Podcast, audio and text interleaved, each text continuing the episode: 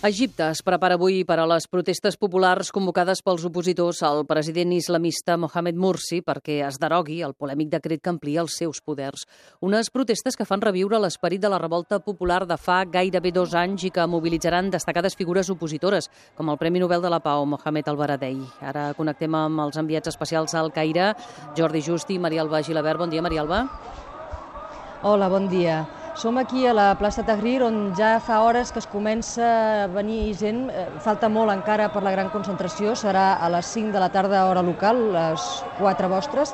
A primera hora ja hi ha hagut els primers enfrontaments entre manifestants que llançaven pedres a la policia, que ha respost amb gasos lacrimògens, i aquí a la plaça, a més de carpes, on fa dies que hi ha opositors d'acampada, dels venedors ambulants de boniatos i de te, hi ha moltes pancartes i cartells on es llegeixen frases com aquesta, prohibida l'entrada als germans musulmans.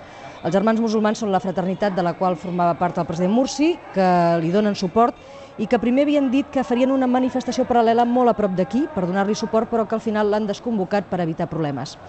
Ara aquí a la plaça s'està fent una pregària, s'ha fet abans un míting demanant a la gent que no respongui a les provocacions, que procurin mantenir la calma i nosaltres som en un edifici des d'on veiem tot el que hi ha a la plaça, eh, més a baix hi ha balcons i finestres que s'han llogat als mitjans de comunicació a partir de 600 dòlars, els més barats, això és més del que guanya de mitjana al mes un treballador qualificat que té un sou aproximadament d'uns 400-500 dòlars.